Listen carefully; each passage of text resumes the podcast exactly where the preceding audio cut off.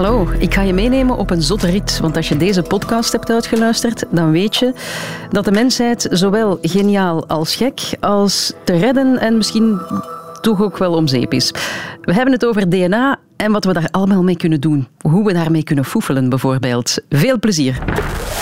Weet ik veel. Wetenschap, het gaat er niet bij iedereen zo goed uh, in. Hè? Maar uh, gelukkig is er Hetty Helsmoortel. Goedemorgen, Hetty. Hey, dag Caroline. Moleculair bioloog en uh, wetenschapswatcher. Ja. Um, je hebt ook een boek geschreven, De Geknipte Genen. Vlak voor de lockdown was dat. Dat boek was leuk om te schrijven. Uh, er was een tour aangekoppeld, die is natuurlijk grotendeels in het water gevallen. Maar uh, er zijn andere manieren genoeg om die passie en die goesting en die fascinatie te delen. Dus. Ja, goed. Dan ben ik blij dat je hier bij mij zit. Een heel uur lang gaan we het hebben over uh, ons DNA en onze genen.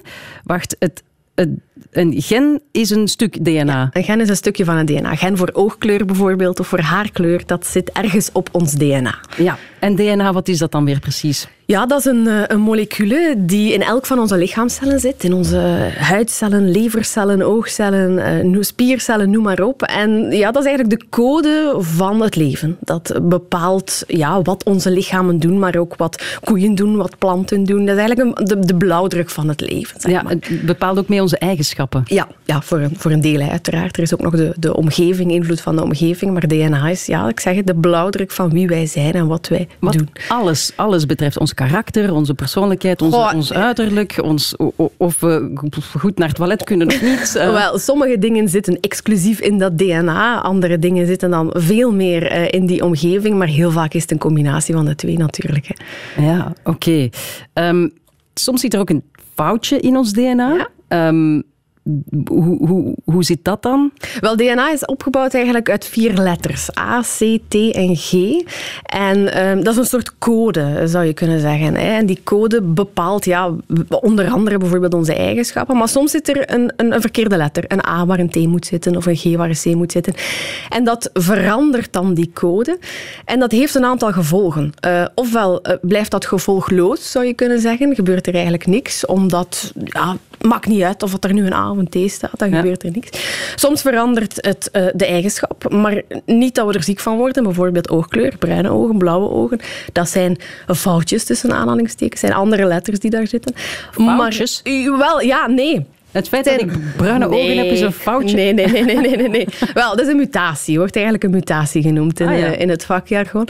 Um, maar soms leiden die foutjes of die mutaties tot genen die niet meer goed werken. En dan kan je daar wel ziek van worden. Dus ah, ja. uh, voilà, dat is een, een heel spectrum van, van gevolgen uh, van andere letters in dat DNA. Lijkt me heel erg complex, want, want DNA, het bestaat dan ook nog eens uit vier bouwstenen. Ja, die A, C, T en G. Ja. Aha. Um, en, en op zich is dat ook een hele lange molecuul. Je kan ja. niet zeggen, we gaan dat DNA er even uithalen, we steken dat in een potje en we onderzoeken dat. Nee, oh, dat gaat wel. We hebben nu net het doeboek voor kleine nerds gemaakt en daar halen ze eigenlijk DNA uit aardbeien. Dus je kan het wel zichtbaar maken. Ja. Uh, in elk van onze lichaamcellen zit er 1 à 2 meter DNA. Dus dat, moest je dat uitrollen, is dat gigantisch lang. Dat is een hele lange molecuul.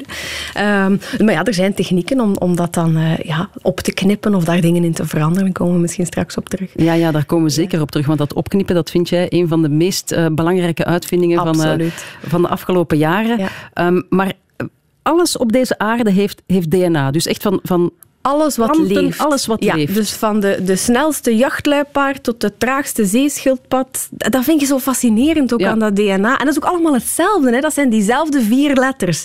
En door die in een andere volgorde achter elkaar te zetten, krijg je daar gigantisch andere dieren of organismen uit. Dat ja, is toch Er zijn waanzinnig. geen twee organismen met hetzelfde, het knak hetzelfde DNA? Tweelingen. En tweelingen? Ja één eigen tweelingen. Ja. Die, ja, in de loop van het leven verandert uw DNA nog een beetje, maar uh, die zijn in principe gelijk. Ja, want DNA kan inderdaad evolueren. Ja. Um, Door bijvoorbeeld zonlicht of roken of zo, daar, daar krijgen we weer die foutjes, die mutaties in dat DNA kan dan leiden tot huidkanker, tot longkanker. Ja. Um, maar ook gewoon toevallig als cellen delen. Weet je, dat hele DNA, dat hele letterboek, die, die miljarden letters, dat moet elke keer gekopieerd worden als er een nieuwe cel gevormd wordt. Dus als je dat zelf manueel zou moeten doen, de kans dat je fout maakt is heel groot. Ook bij ons sluipt daar af en toe een foutje in. En zo verandert dat DNA eigenlijk geleidelijk aan. Hoe, hoe kan je die code nu lezen? Want, want um, weten we altijd wat we lezen als we die code ontrafelen? Wel, we lezen eigenlijk die letters hè, met, met bepaalde machines. Dat heet dan sequencing. Hè. Krijgen we eigenlijk gewoon uh, ja, gigantische tabbladen vol ACC, TGC, CG, ACH. Dat, dat, dat krijg je. Maar om daar betekenis aan te koppelen, dat is natuurlijk het moeilijke. Hè. Dat menselijk genoom is in de jaren 2000 voor het eerst volledig hè, ontrafeld in die letters. En toen dachten we, we zijn er. Nu weten we welk gen welke ziekte veroorzaakt, waar we moeten op ingrijpen. Maar niks was minder waar. Hè. Je moet nog altijd betekenis koppelen aan die letters. Iemand zei mij ooit, we kunnen het nu lezen als DNA, maar we kunnen het nog niet begrijpend lezen. Nu moeten we echt uitzoeken, ja, waar staan die letters voor? Waar zitten die genen? Wat beïnvloedt wat? Wat beïnvloedt welke ziekte? En dat, ja, daar zijn we nu met duizenden wetenschappers tegelijk mee bezig. Komt daar ooit een eind aan? aan? Kan je op een dag zeggen, nu weten we het helemaal? Want dat lijkt mij zo oneindig. Ja, het, het is per definitie niet oneindig. Hè. Er zijn een, een 30.000-tal genen. Um, maar het zal, denk ik, vooral ook omdat die omgeving daar zo'n rol speelt. Hè. Het is nooit, DNA bepaalt nooit alles. Hè waar je, allee, welke omgeving je opgroeit, waar, waar je woont, ook psychologisch, ook alles in ons brein. Ik, ja, we, hebben het einde er nog niet van gezien. Nee, ja, zoals je zei, uh, er is heel veel invloed van buitenaf. Blijkbaar ook, Annelies, uh, die er daarnet de zomer van presenteerde, ja. zei ook, er bestaat ook zoiets als epigenetica. Ja.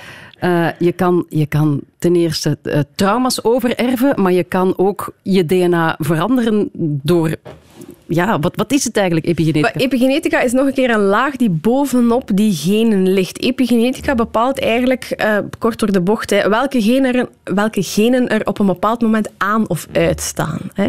En um, dat, is, dat is iets wat je, dat, daar zijn ze ook gigantische onderzoeken uh, over aan het voeren, wat je eventueel misschien ook zou kunnen doorgeven naar een volgende generatie. Maar ook daar, ja, zoals je zegt... Staat in zijn beginschoenen, in ja, zijn kinderschoenen. Ja, ja, we, ja, we kennen eigenlijk nog maar een topje van de ijsberg van ja.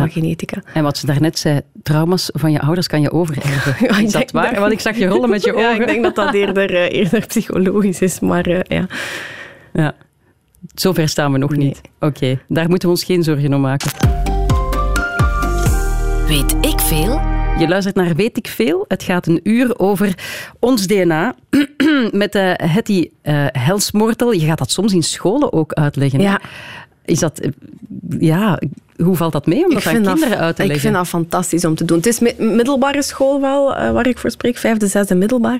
Maar ik vind dat fantastisch. Maar ik heb ooit ook deelgenomen aan een wetenschapsbattle. Dat is een, een wedstrijd om wetenschap eenvoudig uit te leggen aan kinderen tussen 6 en 12. Mm. En dat vond ik zo, zo waar nog leuker. Omdat je echt moet afstand nemen van waar je mee bezig bent. Ook kinderen van 6 die kunnen amper lezen. Dus je slides die, die, die, die mogen niet te veel woorden bevatten. Ik vind dat fantastisch om dat aan die gasten uit te leggen. Ja, ja en ja. doe je dat dan met bepaald speelgoed, zo bacteriën met, met met uh, scherpe tandjes? Of, uh...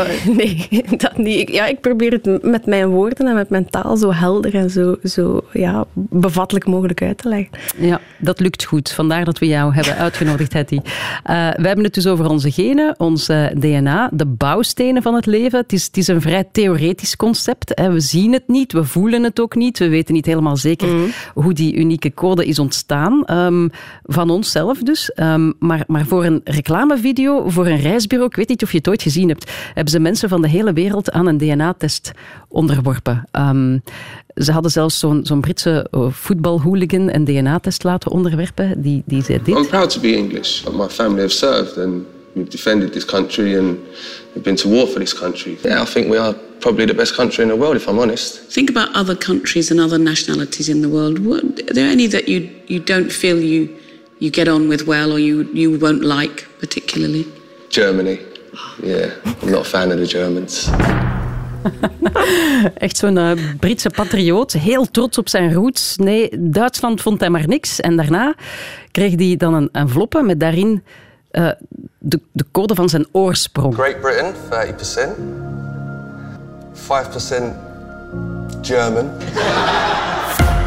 Hij was 5% eh, Duits, maar er zat bijvoorbeeld ook een Koerdische die Turkse roet zat. Uh, had ze niet echt uh, verwacht, alhoewel dat dat niet zo raar is. En IJslander, die zei ik ben 100% IJslands. Zonder enige twijfel bleek dat hij Oost-Europees, Spaans, Portugees, Italiaans en Grieks bloed in zijn aderen had en een zwarte Cubaan die Oost-Europees bloed had.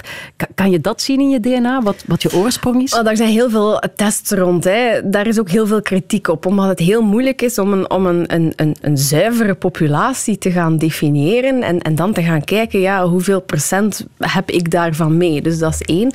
Maar anderzijds ook dat hele gegeven van, van ras, bedoel, in ons DNA, wij zijn zodanig verstrengeld en gemengeld geraakt in de loop van onze evolutie, dat wij allemaal wel delen of stukken van, van, van andere nationaliteiten met ons meedragen. Ook, ook de definitie van nationaliteit op DNA-niveau is, is, zeer moeilijk te, te, te definiëren. Hè. Ja, dus daar zit wel een foutmarge op. Nou, uiteraard. uiteraard. En, en ja, ik zeg, daar is van experts heel veel kritiek op. Van, ja, en ook plus, wat ben je daar dan mee? Um, ja. ja, dit was zo natuurlijk een filmpje om aan te tonen... Uh, kijk, je moet geen andere uh, mensen van andere landen voilà. gaan haten, want je hebt ja. dezelfde, dezelfde code in jou. Maar daarvoor vind ik het wel heel nuttig. We, ja, we zijn allemaal broeders tussen aanhalingstekens. En, en dat, is, dat is wel een mooie boodschap daarin. Maar om nu echt uit te zoeken van, ja, ik ben 89% Scandinavisch en 4% dit en 5% dat. Ja. ja, klopt. Ja, ja, ik ben nog niet aan 100. Dat is, uh, ja, dat is een beetje een gadget. Mm. Maar je kan het wel voor de lol laten uitvoeren, hè? privé. Dat ja, kan tegenwoordig. Klopt. Ja, absoluut. Wat, wat kost je dat? Uh, ik weet het eigenlijk niet van buiten, maar ik denk een paar honderd euro uh, max. Uh, dat al veel goedkoper kan tegenwoordig. Ja. ja, en wat, wat zou je daarmee kunnen doen? Wat kan je er allemaal mee te weten komen? Wel, het hangt ervan af waarvoor je kiest. Je hebt een aantal pakketten, dus je kan alleen die, die oorsprong uh, gaan uh, bepalen, maar je kan ook ja, je volledig DNA laten uitlezen, kijken welke mutaties daarin zitten, welke gevoeligheden voor ziekte je eventueel hebt. Um, heel veel van die DNA-profielen worden ook gedeponeerd in, in openbare of semi-openbare databanken, mm -hmm. waar dan bijvoorbeeld mensen echt in gaan snuisteren, stamboomonderzoek, maar ook bijvoorbeeld ja, tegenwoordig donorkinderen, hè, mensen die, die jaren geleden met een anonieme donor verwekt zijn, die daar hun hoop op gaan zetten om uh, broers of zussen of halfbroers of halfzussen of eventueel een, een donor te vinden. Maar ook uh, ja, criminaliteit, hè, misdaad. De Golden State Killer is onlangs uh, gepakt na jaren in, in de anonimiteit, nadat een familielid van hem in zo'n DNA-databank terechtgekomen was en speurders uiteraard DNA hadden van zijn misdaden in, in de jaren tachtig. Mm -hmm. Dus dat, ja, het, het, het gaat heel ver. Ja, maar zou, je, het is ook niet zo zeldzaam dat je bijvoorbeeld een DNA-onderzoek laat doen um, om te zien of je een erfelijke belasting hebt. Absoluut. Als je kinderen wil bijvoorbeeld. Nee, absoluut. Ja, en inderdaad. En voor bepaalde uh, risicogroepen en mensen die weten dat ze een bepaalde erfelijke afwijking in de familie hebben voordat zij aan kinderen beginnen, wordt toch echt aangeraden om, om die genetische test te doen. Maar dat komt nu meer en meer op, ook gewoon voor gewone koppels, zeg maar. Hè. Mensen die, die geen erfelijke ziekten in de familie hebben, die toch willen weten, ja, als, als wij twee samen kinderen krijgen, welke risico's zitten er in ons, ons beider DNA die eventueel in onze kinderen tot uiting kunnen komen. Mm -hmm. Dat is dan echt om die, om die, uh, ja, die risico's eruit te filteren. Ja. Maar dat eerlijk gezegd, dat roept toch een paar ethische vraagstukken op. Hè? Absoluut. Ten eerste, ja. data. Mm -hmm. Je verkoopt je data aan ziekenhuizen, wat dus ook weer bedrijven zijn. Dat, in welke handen kan dat allemaal terechtkomen? Maar hier loopt het een beetje door elkaar. Je kunt het in een ziekenhuissetting laten doen en, en dan is het echt wel beschermd. Dan zit je privacy daar ook wel goed. Dan teken je daar ook een informed consent voor in de Centra voor Medische Genetica hier in ons land. Maar je kunt het ook privé laten doen. En daar rijst de vraag van, van wat gaan zij met die data doen? Worden die doorverkocht aan bedrijven, aan verzekeringsmaatschappijen, noem maar op. Hè? Hm. Dus, dus als je met zoiets zit, ga je toch beter naar een ziekenhuis of ga je toch beter richting een, een, een, een centrum voor medische genetica.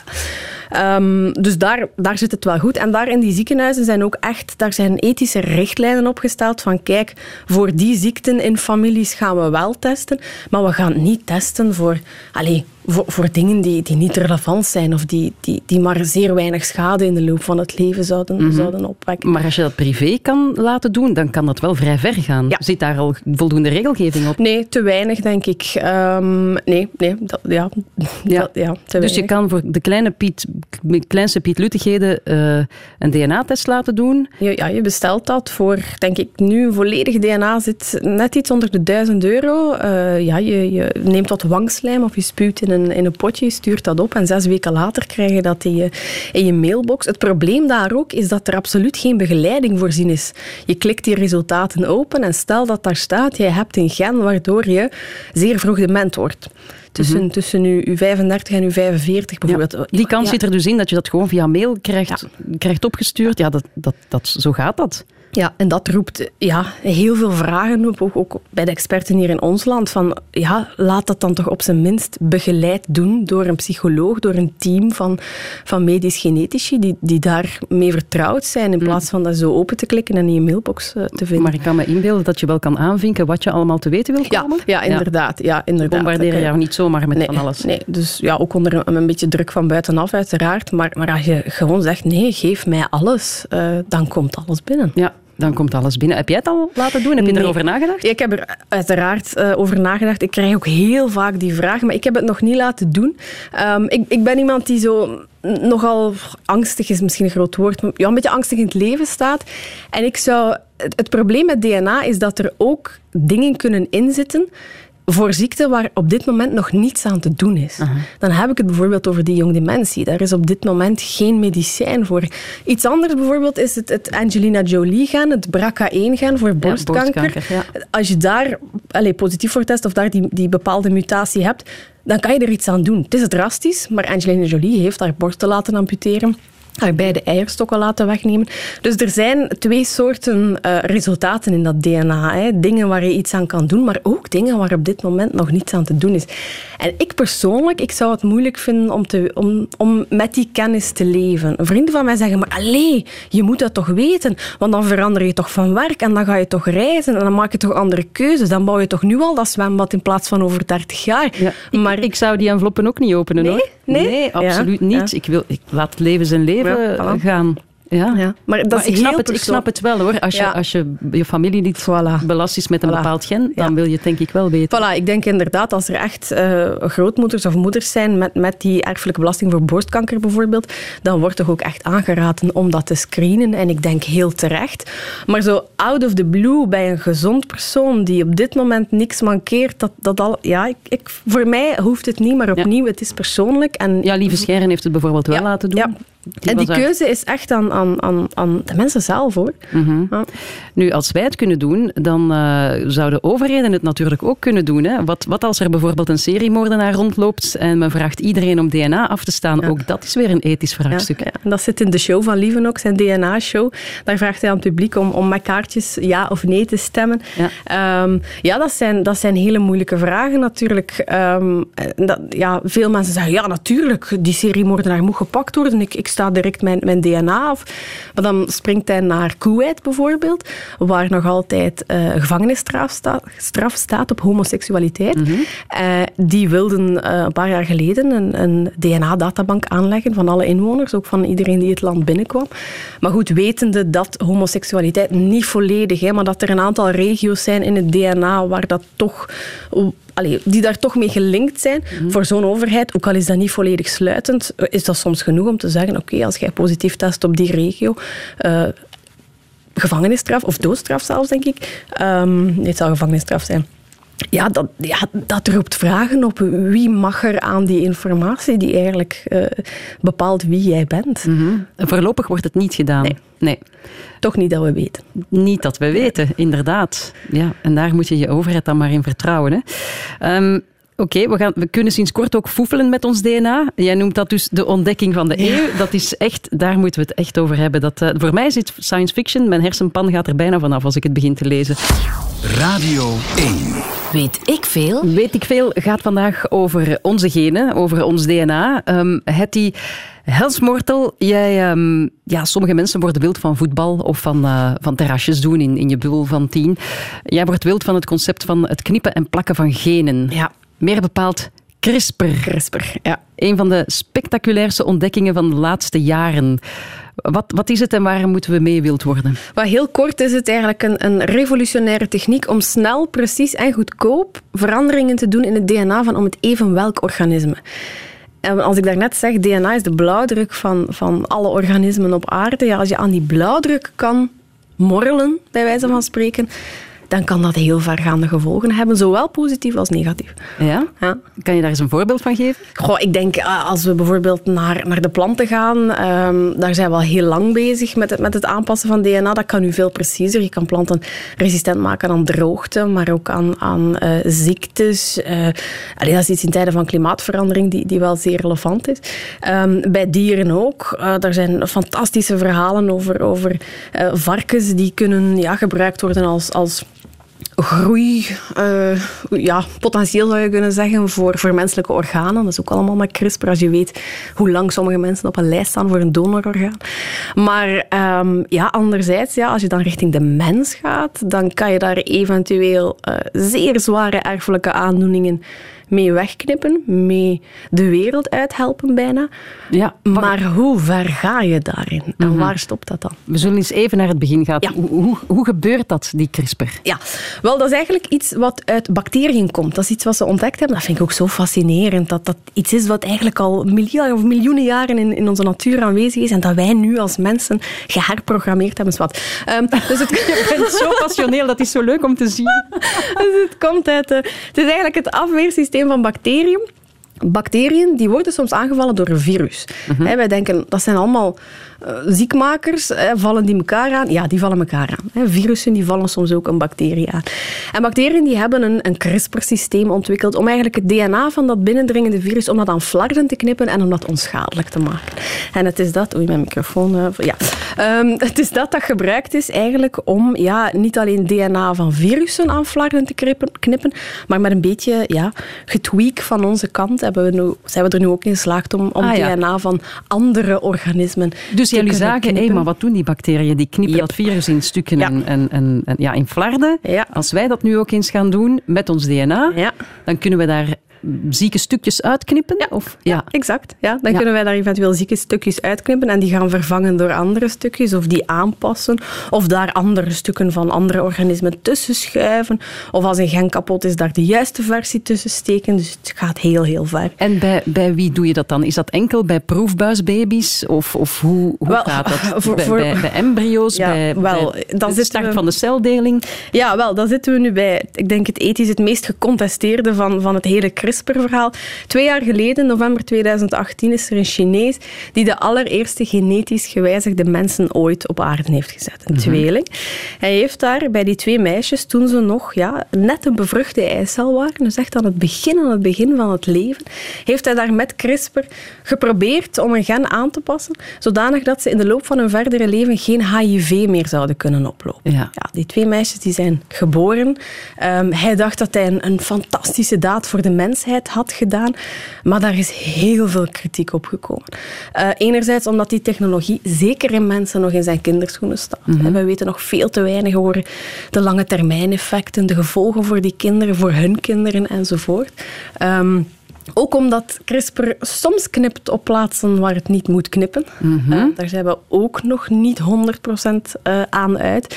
Maar vooral ook ethisch. ehm, men had gehoopt dat als die eerste genetisch gewijzigde baby's geboren worden, laat dat zijn voor een ziekte waar geen medicijn voor is, die Ja. op geen enkel andere manier te voorkomen is. Ja, dat is Bedoel- HIV natuurlijk Voilà. niet. Ja. Nee, het is zeer, zeer ernstig. Hè? Ja, Eh, laat dat duidelijk zijn. Maar die vader was seropositief. Ehm, er zijn manieren om HIV-negatieve baby's te maken uit een seropositieve vader. De, de medische technologie staat al zo ver. Ah, ja. Dus dat, dat hoeft niet. Ook ja, kinderen die, of, jongeren of mensen die geen HIV meer kunnen oplopen. bedoel, Er zijn andere manieren om die ziekte te vermijden. Mhm. Gebruik geen besmette naalden, gebruik een condoom, alsjeblieft. Ehm, dus dat was ethisch heel moeilijk van waarom, waarom heeft hij die ziekte uitgekozen om dat voor het eerst te doen. Ehm, en daar duiken nu allemaal verhalen over op. Dat gen dat hij aangepast heeft zou ook ergens betrokken zijn in een hogere intelligentie. Misschien eventueel, hè, dat weten we allemaal nog niet 100% zeker. Was het hem daarom te doen? Ehm, Maar stel nu dat hij dat ja. had gedaan bij een ziekte, bijvoorbeeld, ik zeg maar iets, kanker. Dat kan momenteel nog niet. Nee, dat is ook een moeilijk verhaal, maar kanker natuurlijk geen... Je erft dat niet over. Hè. Je krijgt dat Je in krijgt de, dat. Oh Ja, dat is een stuk wel genetisch, en, Ja. maar je, je, je krijgt dat in de loop van je leven. Ja. Ehm, Oké, maar- bijvoorbeeld eh, een open ruggetje. Dat is iets wat genetisch op Of, te erfelijke blindheid, bijvoorbeeld. Erfelijke blindheid, ja. ja. Stel, stel dat gebeurt. Kan dat momenteel al? Of is dat ook gecontesteerd? Ja, nee, wel, daar zijn ze in Rusland mee bezig. Hè. Dus twee ouders die... die eh, doofheid, is doofheid dat, dat ze in Rusland mee bezig zijn. Ehm, twee ouders die doof zijn en die alleen maar dove kinderen kunnen krijgen. Hè. Door hun constellatie van genen en DNA kunnen zij alleen maar dove kinderen krijgen. Dan zegt een Russische wetenschapper, ik kan met CRISPR dat gen kan ik aanpassen en ik kan jullie horende kinderen schenken. Daar heeft hij nog geen toestemming voor, maar dat is iets wat dan alweer meer in de buurt komt van, van een, een erfelijke ziekte waar niks aan te doen is. Ja, wat maar, de, de, de dove gemeenschap dan ook als Voilà. discriminatie zal worden Absoluut, aanzien. Ja. voilà. Ik had eh, onlangs drie eh, dove meisjes in mijn, eh, in mijn lezing, in mijn CRISPR-lezing. Daar zat een, een dove tolk op, op scène die dat allemaal Ik vond dat fantastisch, wat ik allemaal zei over al dat vakjargon. En die, die kreeg dat over... Enfin, dit volledig terzijde. Maar die kwamen achteraf naar mij en ze zeiden... Maar ja, dat is toch ook... bedoel, wij willen, niet, wij willen dit niet dat dat gebeurt. Of, Ja. of dat die mogelijkheid er is. En, en dat zijn ethische vragen waar we lang het einde nog niet van gezien hebben. hoor. Nee, nee, inderdaad. Maar het, het roept ook veel. Je gaat dat geval per geval natuurlijk moeten bekijken. Ja. En dan is de vraag: die wetgeving, gaat dat ook per land gebeuren? Of moet er een mondiale wetgeving komen? Ook dat is allemaal nog Dat is een onduidelijk. heel goede vraag. Hè, Want die vooral- CRISPR is ook nog maar net, daar Ja. komt nog maar net achter de hoek piepen. Ja, ja, 2012 ontdekt. Ehm, maar inderdaad, het medisch toerisme loert daar al om de hoek. Als het hier niet kan en in Spanje wel, goh, laten we dan naar Spanje gaan. Ehm, anderzijds, ja... Elke, elke lidstaat bepaalt zijn eigen wetten daarover. Je kan, Ja. Een Wereldgezondheidsorganisatie probeert daar nu een beetje een lijn in te krijgen. Maar, eh, maar goed, daar zijn we nog lang niet. Nee, maar dit gaat over de maakbaarheid van de mens. Absoluut. Dat betekent dat, eh, dat er in het ene deel van de wereld of in één land ubermensen kunnen worden gemaakt worden en in het andere deel niet. Ja, en ja, ik, ik denk dat het er echt gaat op aankomen om, om gezamenlijk te beslissen waarvoor doen we dit wel. Want om, om dit geen doemuitzending te maken, er zijn ook prachtige voorbeelden waar het, waar het wel zou kunnen werken. Vooral dan, hè, we hebben het nu over embryo's, maar CRISPR allee, heeft een enorm potentieel in het genezen van, van zieke mensen. hè. Bijvoorbeeld een heel ernstige bloedziekte, eh sikkelcelanemie. Eh, mensen worden 40, 50 jaar gemiddeld. Het is eh, één foute letter in het DNA is daar de oorzaak van. Met CRISPR hebben ze nu bij een vrouw al die stamcellen uit haar lichaam gehaald. Ehm, met CRISPR in het labo die letter veranderd, haar een chemotherapie gegeven, zodat de rest van haar beenmerg zou verdwijnen. Stam, stamceltransplantatie, Voilà, ja. voilà, aangepaste met CRISPR, stamceltransplantatie. Die vrouw is tot op vandaag symptoomvrij. Dat is in augustus Ja. vorig jaar gebeurd. Dus er staan ons gigantisch spectaculaire dingen te wachten met CRISPR. Maar het is een technologie die ook, helaas, ja, voor andere dingen kan gebruikt worden. Ja, om even bij het positieve te blijven. Want je zei daar straks al een varken dat organen zou kunnen kweken voor de mens. Ja. Ook daar, ik, ik hoorde ehm, de dierenorganisaties al op hun achterste Ja, poten staan. ik weet het. ik zie het al. Ja. Maar bon, laat ons er even van uitgaan. Er zijn zoveel donorharten op de... Of ja, er zijn zoveel mensen op de wachtlijst die op een donorhart zitten te wachten. Je zou dus, en dat kan blijkbaar al, varkens met een mensenhart kunnen kweken. Dus daar zijn ze mee bezig. Die zijn nog niet geboren, voor alle duidelijkheid. Maar wat ze daar doen, als een varken nog maar een, een paar cellen groot is, opnieuw, ja, die bevruchte eicel of, of iets verder in het stadium, daar knippen ze met CRISPR eigenlijk een aantal genen weg die verantwoordelijk zijn voor de aanmaak van het hart. Als je zo'n ding zou laten uitgroeien tot een levend wezen, dat zou niet lukken. Waarom niet? Omdat dat geen hart heeft. hè. Wat doen ze op datzelfde moment dat ze die knip zetten? Ze voegen daar eigenlijk menselijke stamcellen aan toe, aan die mix. In de hoop dat die menselijke stamcellen ergens gaan zien of voelen, oh, hier is een gat voor een hart, laat ik gewoon mij ontwikkelen tot een hart. En dat blijkt inderdaad te lukken. Dat blijkt zo te zijn. Die proeven die zijn ja, prematuur afgebroken om ethische redenen, maar men is daar effectief mee bezig, ook met apen, ehm, om echt ja, menselijke organen opgebouwd uit menselijke cellen, om die te gaan kweken in dieren. Omdat je dan natuurlijk geen of veel minder eh, afweerreactie gaat hebben als je die gaat transplanteren in, in de patiënt. Dus op, het, het, ja, je zei daar net science fiction, maar het lint er Ja, echt heel waar. Ik vind ja. dit echt Waanzin. Het nog leuk? Ik vind het heel leuk. Dan vraag ik mij ook af, kunnen we met CRISPR in de toekomst kanker uit de wereld helpen? Daar zijn, uh, wel, er zijn drie grote uh, gebieden waar CRISPR nu enorme vooruitgang maakt. Dat is die bloedziekten, dat is een erfelijke vorm van blindheid en dat is kanker. Omdat je, ja, je kan het inzetten als een vorm van immunotherapie. Hè. Immunotherapie is ja, een, een, een, vorm van medicatie waarbij je eigenlijk je immuunsysteem een boost geeft om kanker te gaan aanvallen. En het, ook hier zou het kunnen gebeuren, en er zijn testen mee. In China zijn ze daar heel vroeg in 2015 al mee begonnen, eigenlijk uh, amper een paar jaar nadat CRISPR ontdekt is. Um, met ja, die, ja, die uh, bepaalde T-cellen en afweercellen uit het lichaam van een patiënt te halen, die met CRISPR een beetje aan te passen, zodanig dat die slimmer worden of nieuwe antennes krijgen, een beetje kort door de bocht, die opnieuw in het lichaam in te spuiten en dan gaan die op zoek naar die tumor. En uh, ja, dat is een van de voorbeelden waar CRISPR waarschijnlijk de komende jaren een, een, enorme vooruitgang zal betekenen. Maar dan snap ik dat jij hier zo vol, vol vuur in je ogen zit te Ja. vertellen, want dat is toch... Ja, dit, bestaat er iets belangrijkers? Ja, maar dit is toch, dit is toch schitterend? Wel, ja, ik noem het de ontdekking van de 21ste eeuw. We zijn nog maar 20 jaar ver in die eeuw, maar eh, ik, ik- dit zal heel veel veranderen in de toekomst. Mm. Ja. Je kan ook het DNA van dieren en planten aanpassen. Hè, Dat kon al via eh, GGO's, maar nu ook via CRISPR. Wat, wat zou dat opleveren? Daar gaan we het zo dadelijk over hebben. Radio 1. Weet ik veel? Ik heb het met Hetty Horst... Ho, he- Allee. eh, ja, ik, ehm, ja ik, heb, ik, heb het, ik heb het soms moeilijk met je naam. Hetty Helsmoortel. Voor West-Vlamingen is dat een hel, hè, jouw naam. Maar ja, het zijn twee H's. Hè. Moest het een Ja. G zijn, zou het erger zijn. Ik ben West-Vlaams trouwens. Hè. Je bent Ik ben van West-Vlaams. Oostende. Ja. En je leeft nog, Ja, dat ja. is goed. oh, nu ga ik ze weer allemaal over mij heen Yep. krijgen. Ik hou van West-Vlaanderen, ik hou van West-Vlaanderen. Ik zeg het nog eens. Hetty, eh, we hebben het over, ehm, over CRISPR gehad. Hè? Over, over het aanpassen van het eh, DNA, knippen, plakken, foefelen eh, bij mensen. Maar je kan dat dus ook doen bij, bij planten en dieren. Ehm, we kennen al allemaal het, het, het verhaal van genetisch gemodifieerde organismen.